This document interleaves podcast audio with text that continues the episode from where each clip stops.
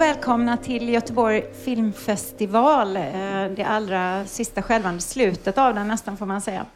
Eh, Camilla Larsson heter jag, är programchef för seminarierna på festivalen och vi är ju naturligtvis jätteglada att kunna göra det här eh, i samarbete med Världskulturmuseet. Fantastiskt roligt att vara här. Det är också ett samarbete med Kulturakademin och Film Music Sweden är också med på ett litet hörn. Så tack till alla er. Eh, det ska handla om eh, något viktigt idag, filmmusik. Och jag tänkte bara lämna över ordet till dagens moderator, Johanna Koljonen, författare, journalist, programledare, gjort radio om filmmusik också. Ja, yes. Så vem kan passa bättre? Varsågod, Johanna. Tack så mycket. And we will switch to English now.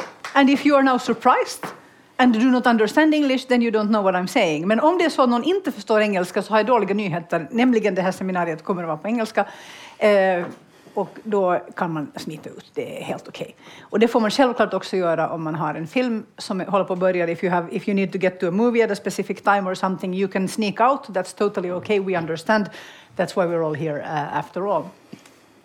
Yes, uh, yes, it was mentioned uh, in the introduction that I make a radio program uh, about film music, but I should say for the record that I am actually no expert. Uh, I know very little about film music, I just listen to it very passionately.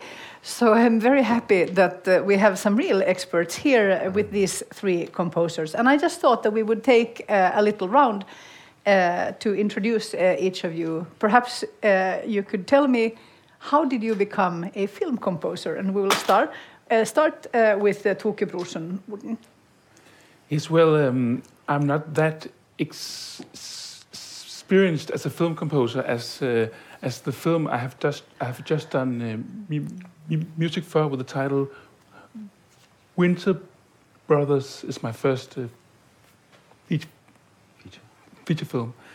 Um, but um, I'm doing lots of uh, lots of different sound related uh, work. Uh, for example, I've done this uh, card game um, with uh, different. Um, uh, I'm sorry, I, I, don't really answer your question in, in, the, in the most, most, direct way. But, uh, but, but you have to explain about this animal card game because yeah, now exactly, you've introduced exactly, it. Otherwise, exactly. it would be strange. It's yeah. just it's just um, much of my work, um, yeah, it, it evolves around sound, but not.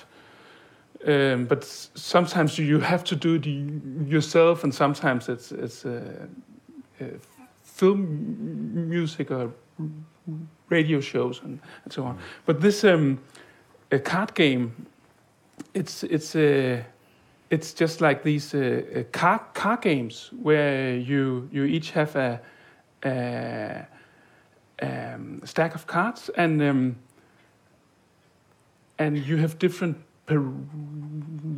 parameters describing the car, how uh, big it is, uh, how, the the color or something, and this is just uh, the sound of a, of a, an an animal, and then you compete with each other based on uh, animal sound parameters. So and, I think, I guess, uh, one way to, to summarize this would be that you do work with music in combination with a range of other media, sure, including sure. cardboard, basically. Yeah, yeah, sure. Uh, yes, and uh, yes, and as you said, Winter Brothers or Vinterbröder uh, in Swedish is, is your first uh, feature. Thank you. Adam Nordén. how did you become a film composer? Uh, I started out playing, I was always playing music since I was around six or seven. My dad's a musician, so we, I come from a musical family. And uh, my sort of initial plan was to become a professional piano player. Uh, and then I, uh, that's, I think in my late teens, I applied for the Music Academy. Luckily, I didn't get in, so uh, I, I, started, uh, you know, making my living as a musician, freelance musician, playing in bands. But I think it was sometimes in when I was around 14 to 15 years. I, you know, I was really into movies, and I realized that I, I had sort of been in my back, the back of my my head that I, uh, that I wanted to work with this at some point. So I was sort of always moving towards working with uh, music for picture. And uh, in my early 20s, I started working with advertising. So I did some music for ads, and uh, then I met a uh, Swedish producer called Lasse, Lasse Blomgren. He worked for Filmlance, and they're producing the Beck movies, which I'm still working with. And uh, he saw some of, of my ad work that I had done, and he introduced me to uh, Harald Hamrell, which is uh, the, the director of Vår tid är nu. We're going to see some clips from that, I think. Yeah, we will. Uh, and that was really how I got started into making music for movies. That's excellent. Uh, and it's funny when you started out with Beck, you couldn't predict how long that would. No, I'm still Last. working with it. It's like nothing's changed. exactly. Uh, and Rubin Kodheli, how did you become a film composer?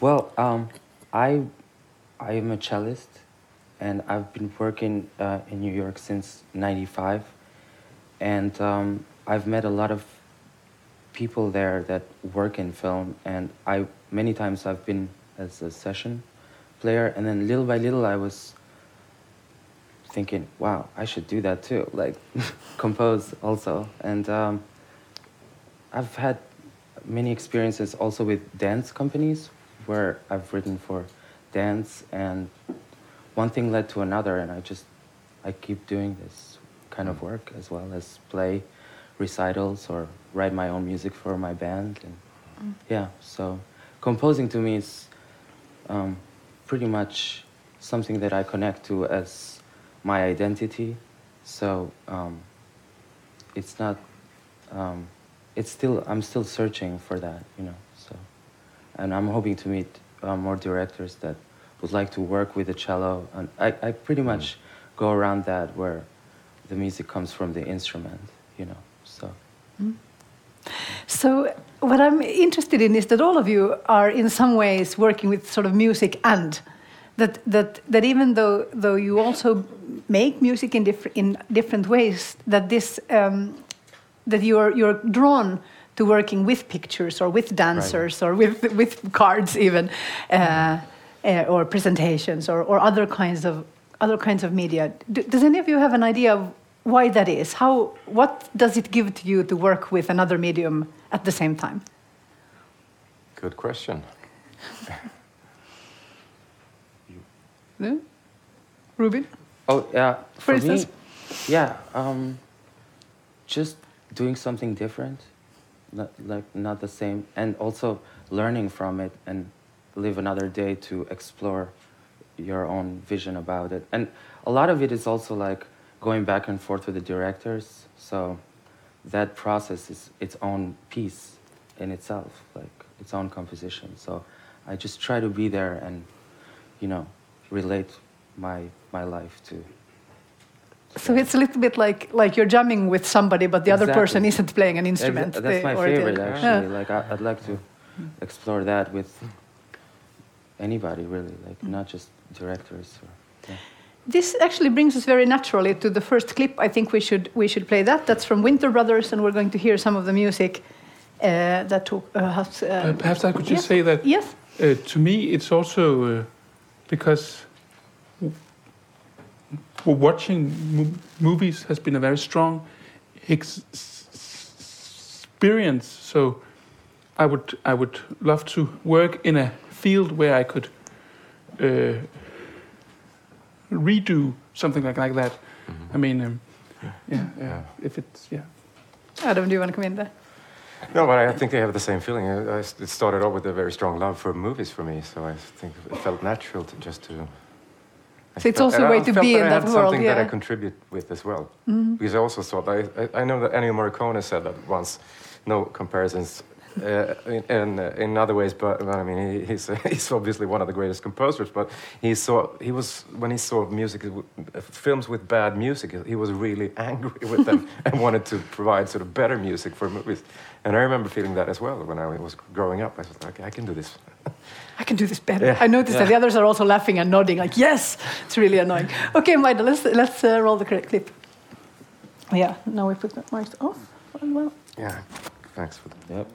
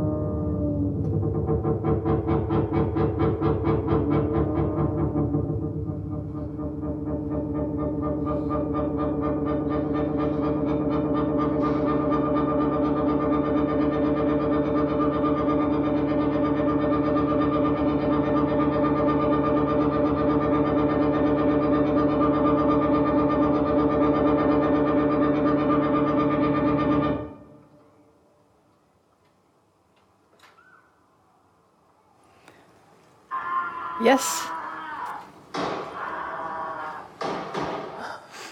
All right. All right. Um, so, so as you can see, this film has a very specific visual style. Uh, it's very beautiful, and it's set in this uh, industrial landscape. And I, I felt like, like there's a, an, uh, an industrial tone, not as in the genre industrial, but as, as in the soundscape industrial, uh, in the music uh, as well. And of course, here uh, at this point already, the uh, threat level and something that made me think of like a very slow um alarm almost Yeah, yeah, uh, yeah, in in the music. Can you talk a little bit about your relationship to to the director and how did you work uh, on this? Um, yeah, we, we started out working uh, when he was at film school, um, where I, I did a project together with him, and uh, and uh, then he came to a concert where I um, um, had a piece uh, with synthesizer, and then he he started to to uh, th- think about um, this uh, film world, so so so to speak, uh, by finding the, the, the main character and using some of my mu- music, and uh, so so he he had he had some of it in his thoughts even before he he, he started to write the script. And this is really uncommon because usually the the composer doesn't come in before the film is even as the film is being ideated. Uh, uh, like uh, it's just an idea that you more typically you would come in at at the end. Did you know how rare this was at the time? Yes, I, I think so. It's pretty cool. Yeah. Uh, and and how do you how did you work uh, in practice? Did you when did you write music that I mean, as as it progressed, did you write for specific for the specific scenes in the script, or how did you how did you do it? Yes, yes. Um, to begin with, yeah, I, I wrote for um, s- s- specific scenes. Maybe, maybe Hlynur only had a photograph or uh, something. Um, yeah, but yes, yes, I, I started to write for But it's good because you know he already likes your scenes. music. Yes, yes. That's kind of nice. You sound a little bit bitter, as though like sometimes this is not the case. It happens, yeah. So I'm curious when when you guys watch a scene like this and you hear music, Uh. what are you thinking about as you're watching? Because or like like what did you think about now, or what did you hear now? Because maybe it's not the same as what I would hear. Yeah, I just enjoyed that the music came out of a, a certain noise that happens, like you said, industrial. Yeah. And then little by little, there was like this mood with the low synth, or I don't know what you were using. Yeah. Yeah. And it was just like all of a sudden, you, you, I was in in it like a, like a surprise, you know, like at first you think, oh, is there, there's that noise, and then the, the the sound comes in, and then it's just so part of it. Like it's really interesting. Hmm. you know. Yeah, I was thinking more or less the same thing. How it sort of started with what, what could have been sounds from the room, or and then it just grew into this very cool soundscape and music. Yeah, and I agree. There's something that this music is so. So when we talk about film music, it's useful to think of separate the idea of soundtrack, which is like songs that are other music that can be played in the film, which can be either diegetic, that means that it's, it, it exists inside the fiction, or it's just on top of the fiction, so to speak, uh, and then score, which is this this music that is um, composed specifically for the storytelling purpose, let's say, uh, like here. But then we also have sound design. Yeah. And sound design is can also be about diegetic fictional sounds and other types of sound on top. And I felt at the beginning of this that, yes, just like you, I thought, oh, is this is this sound in the room? Is it Right. inside the fiction? And then, Right. oh no, it's growing into this Yeah. music. So, so w- were you working with a sound designer, or how, how was that No, relationship there? Actually, we, we didn't work that much uh, together, but s- some of it is kind of sound sound design, and uh, and I also I, I uh, um, made recordings of uh, uh, old plastic barrels and things which Uh-huh. could have been part of the film. So, in some way, I did I did work that a sound designer also also could do, but just work. It sounded quite just used to industrial to me. Yeah. In that way, yeah. So, in uh, if you're looking at this uh, now, is it? Do you can you watch the film as film, or are you still thinking only about your own music when you're looking at it? I think I can watch it as a film, but um, but it's also there are not that many scenes with uh, this much m- music, so, Right. so that helps. it's, it's that happens. exactly. Uh, so I thought uh, we'd move on to the next uh, clip and see see some of Adam's work, which is uh, uh, also we have we have scoring uh, here. Um, we have two examples uh, which we're going to watch back to back. The first is from Vår tid är nu, uh, and the second is from Beck. Uh, and this is a more traditional orchestral approach. Uh, and we will hear uh, also, uh, we will see some of this. Um, I don't know. Suddenly, I don't remember vignette credit sequence Mhm, music, and we can also talk a little bit about what that does. Let's let's watch the clips.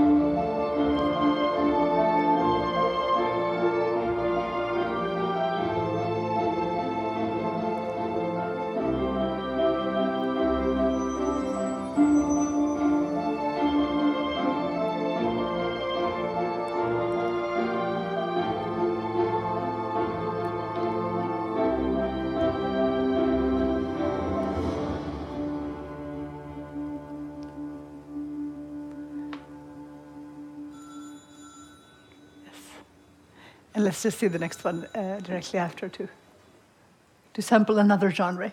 Yeah.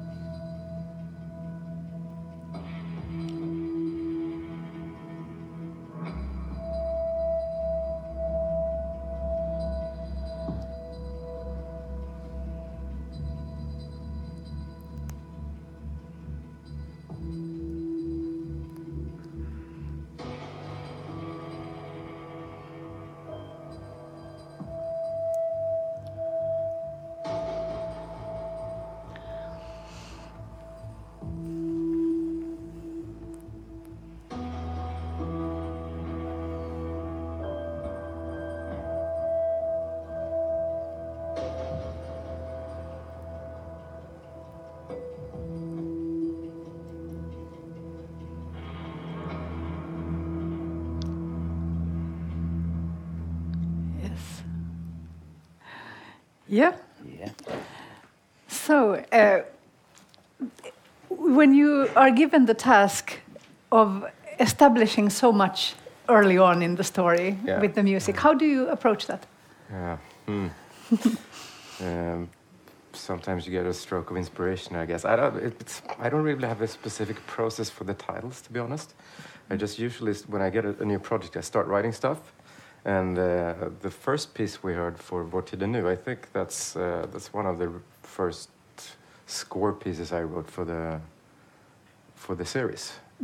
Just wrote a really really simple piano piece, and uh, and then I, you know, somebody said we need to talk about the titles as well, and the titles were really, you know, they came as an afterthought. Really, nobody had sort of mentioned it beforehand.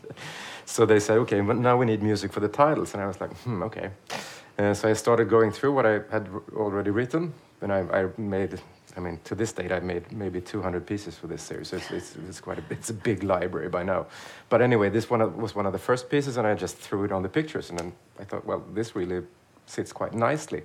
And so I sent it away to the director and the producer, and they were like, "Okay, that's yeah, that's not too bad. Works fine." And some people really loved it, you know, in the production. And uh, and then I thought to myself, "Okay, maybe we need a melody as well." And that's when I added the string melody that sort of is the signature for the whole series now. But that wasn't there originally. And what did you guys? What do you Hmm. hear or think when you when you watch this? Rubin?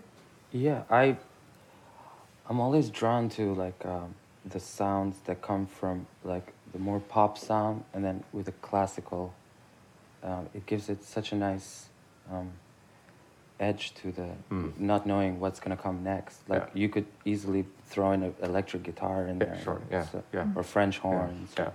you know. But it stays there, and then it like kind of makes its own place. Mm. Yeah.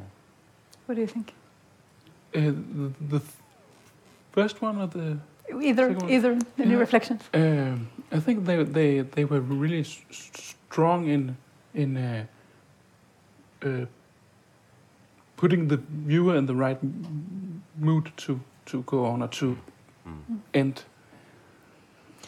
And uh, there's something there that is fascinating to me, and always when I listen to film music, that there is this tension between, how should I say this? There is a tradition of how we tell stories in film Yeah. music, a mm-hmm. kind of mm-hmm. musical grammar mm-hmm. that the audience also knows intuitively because mm. we have been exposed. I mean, we're not aware of it, mm. but we have seen so many films where we know, oh, like a snowy landscape has this kind of instrument, or Right. or the the sad piano means this, you know. Or and I thought it now now when the when the strings when the string melody comes in for Vår tid är nu, it's like okay, like oh yeah, I know what this is. This is going to be a drama with like a sweeping.